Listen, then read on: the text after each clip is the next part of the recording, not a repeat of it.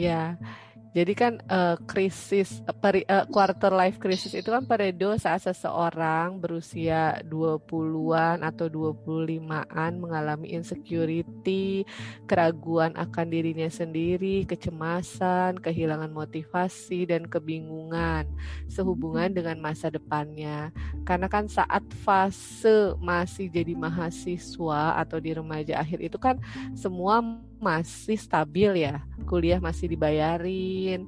Terus uh, apa namanya temen masih banyak untuk seneng-seneng bareng-bareng.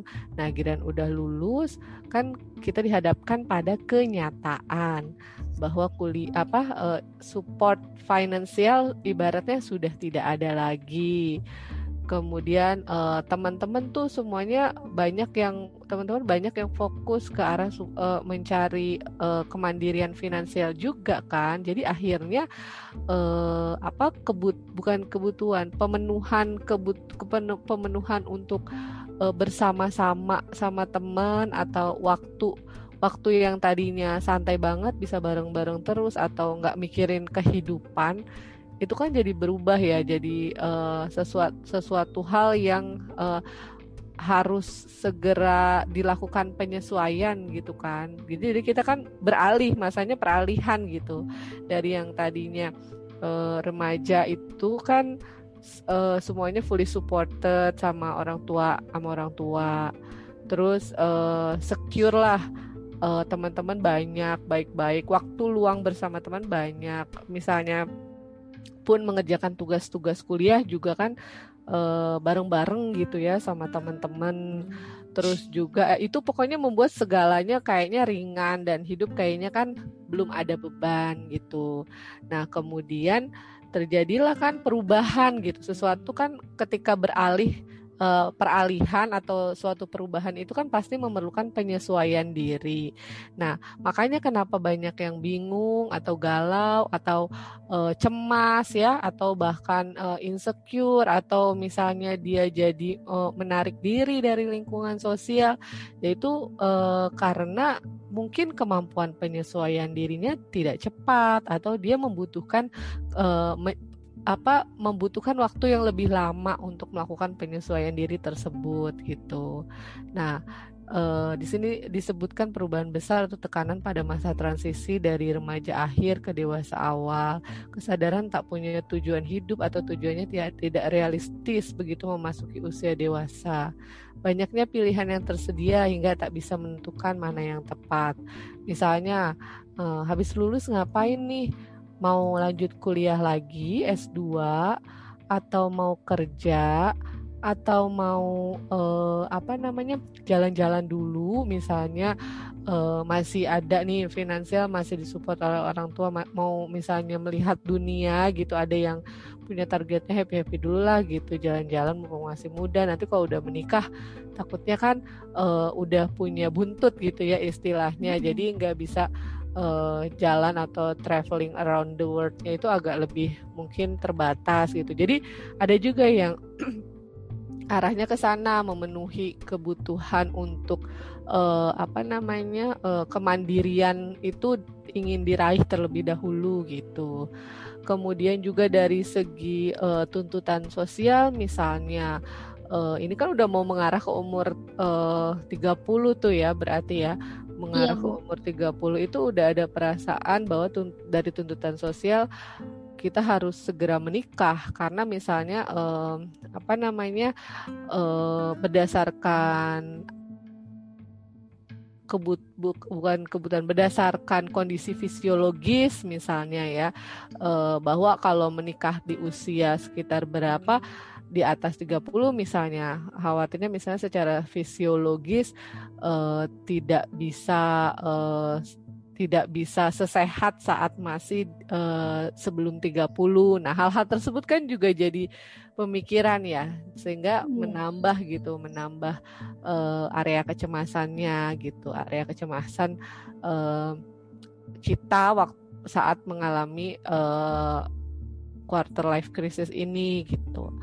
Nah, kemudian juga kan eh, apa namanya, kalaupun misalnya ada pilihan untuk bekerja, itu juga masih mikir, aku mau kerja kantoran apa kerja freelancer ya, aku mau kerjaan yang kayak gimana ya gitu. Masih kayak orang yang mungkin kalau yang beruntung masih bisa memilih ya, bisa memilih, bisa maksudnya dia mau berkarir seperti apa atau dia mau eh, apa namanya atau dia mau memilih uh, sekolah dulu, kuliah dulu misalnya karena masih bisa disupport oleh orang tua misalnya.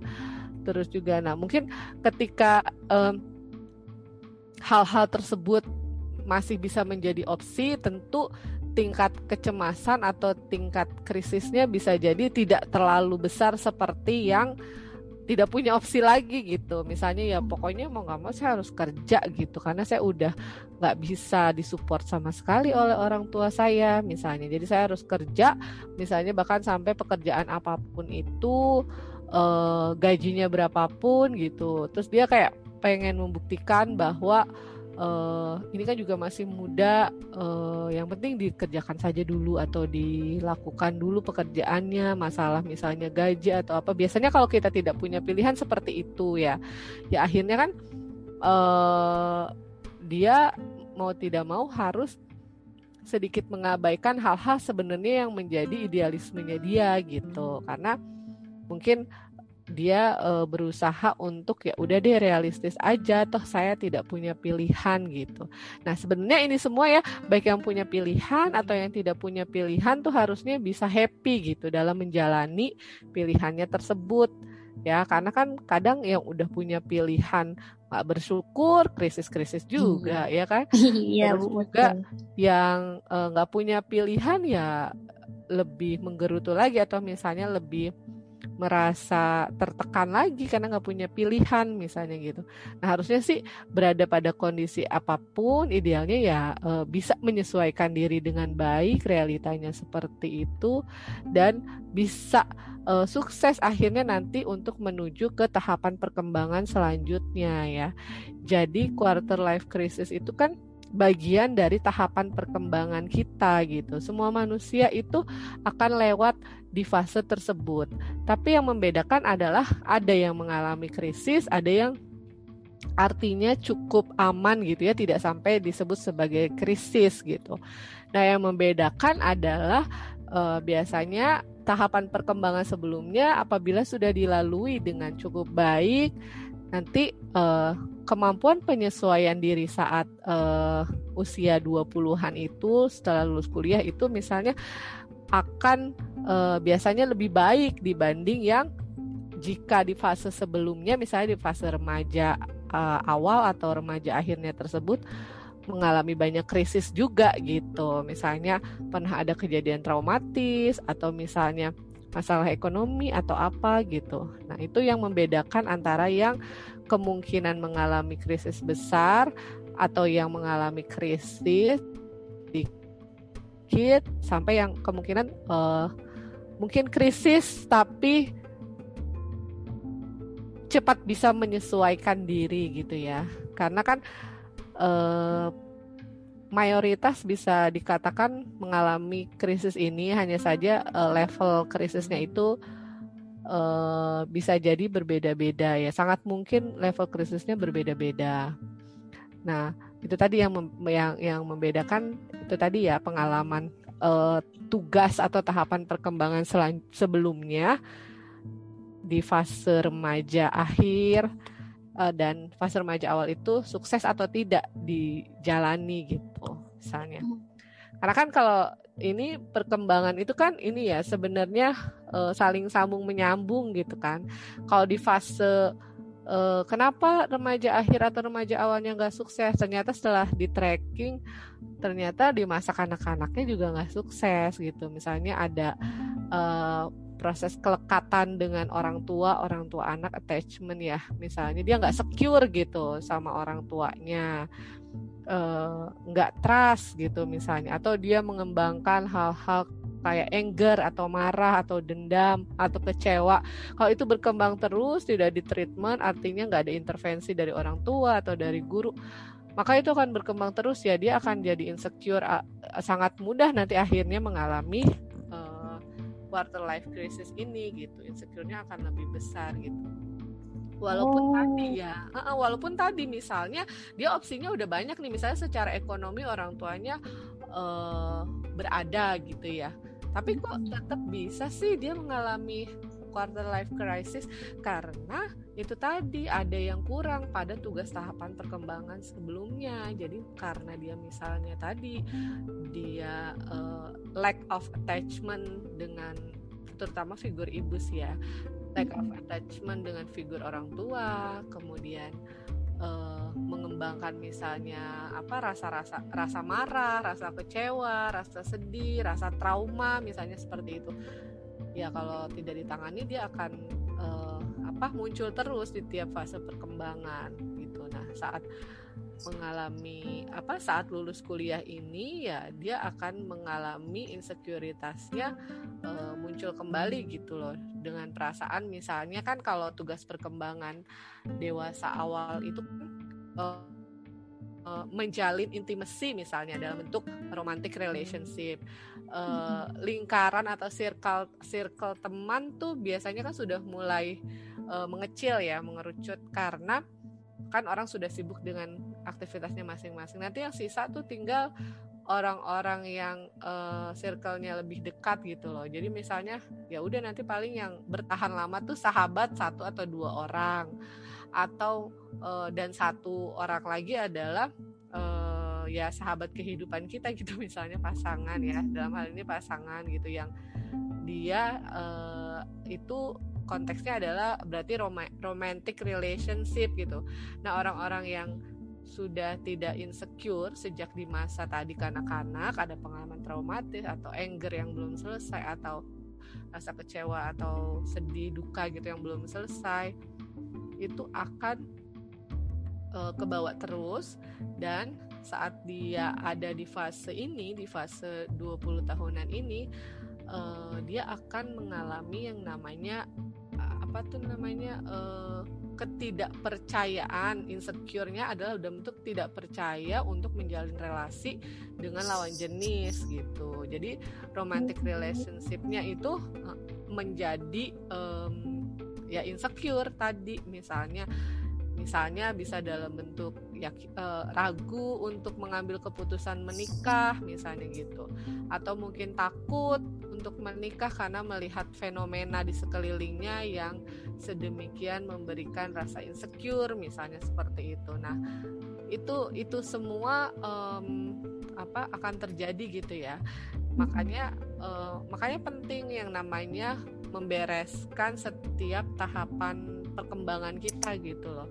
Jadi kalau misalnya uh, di fase ini nih udah terlanjur nih kita nggak tahu nih. Dulu uh, ternyata kita pernah mengalami trauma atau apa yang belum selesai. Nah itu harus flashback dulu di dibersihkan dulu gitu loh. Perasaan-perasaan marah atau perasaan-perasaan negatif tentang kejadian di masa lalu atau perasaan kepada orang tua. Nah itu harus dirilis terlebih dahulu gitu. Baru nanti bisa melangkah ke tahapan perkembangan selanjutnya. Nanti ada istilah sampai kita lansia tuh ada istilah successful aging atau masa lansia yang sukses. Nah, successful aging ini hanya akan bisa diraih apabila setiap tahapan perkembangan itu kemampuan penyesuaian dirinya baik gitu ya. Nah, itu ada ilmunya. Mas, wah, saya sampai nggak bisa berkata-kata bu. Seru deh pokoknya. Iya. Kalo, jadi, jadi emang gitu ya bu. penyesuaian diri gitu ya.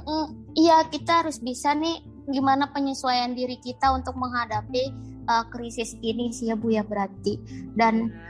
Uh, itu juga tergantung gimana tahapan sebelumnya. Saya juga sampai mind blowing banget kok ternyata nih orang juga takut nikah juga karena ini mungkin ya dia mengalami krisis-krisis ini.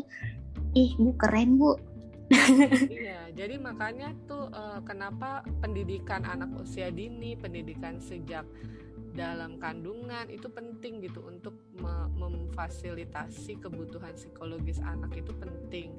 Karena itu jadi basis buat dia menempuh fase-fase kehidupan dia gitu Jadi anak tuh nggak boleh terlalu dimanjakan, tapi juga tidak boleh terlalu diabaikan gitu. Jadi ada istilah neglecting sama pampering. Kalau neglecting itu diabaikan, kalau pampering itu dimanjakan gitu. Jadi harus benar-benar di tengah-tengah gitu ya. Jadi uh, istilahnya tuh pola asuhnya tuh nggak yang otoriter, tapi juga nggak permisif gitu. Itu harus sangat uh, seimbang sehingga uh, anak tuh jadi punya kemandirian, kepercayaan diri untuk menyelesaikan masalahnya gitu. Terus juga problem solvingnya juga terlatih. Terus juga uh, semua ya. Jadi mulai dari tahapan yang paling kecil dia bisa problem solving, dia percaya diri, dia mandiri. Nanti juga kalau mengalami quarter life crisis pun dia akan uh, lebih cepat gitu menyesuaikan dirinya, akan lebih cepat menata saya harus apa, saya memilih apa gitu loh. Dan pilihannya dia nggak akan uh, arahnya nggak nggak akan terjadi penyesalan ke depan gitu. Karena kalau orang yang labil atau insecure kan biasanya milihnya melakukan pengambilan keputusan itu eh, apa namanya labil ya. Jadi pengambilan keputusannya biasanya nggak realistis nggak rasional. Kemudian saat sudah diambil keputusannya menyesal gitu misalnya.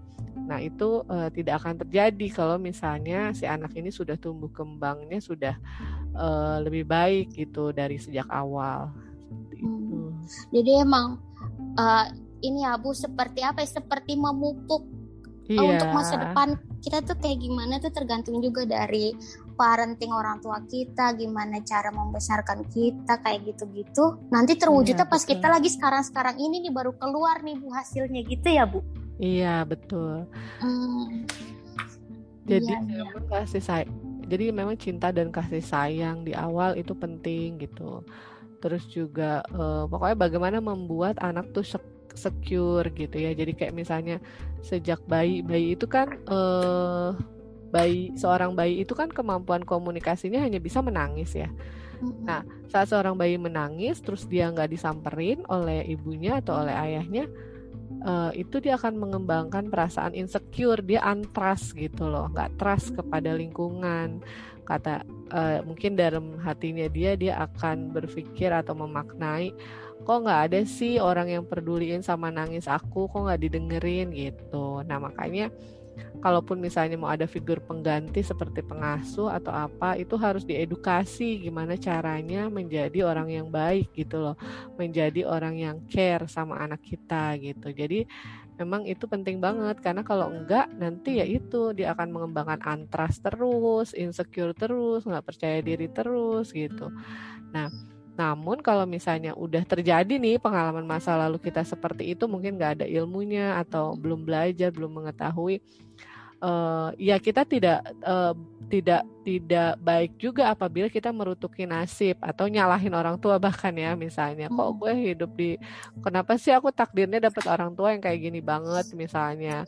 Kok begini begini gitu. Harusnya mereka nggak begini nggak begitu. Nah uh, itu juga tidak bijak jika kita uh, merutuki apa yang sudah pernah terjadi di masa lalu seperti itu gitu. Nah tinggal bagaimana caranya kita nanti ada saya jelasin uh, gimana caranya sih uh, apa kita bisa belajar lebih dewasa atau apa ya itu ada istilah kita self compassion atau hmm. menyayangi diri sendiri gitu walaupun misalnya kita sudah pernah mengalami peristiwa pahit sebelumnya di dalam hidup kita tetap kita bisa diajarkan atau melatih diri untuk bisa self compassion atau menyayangi diri sendiri tadi.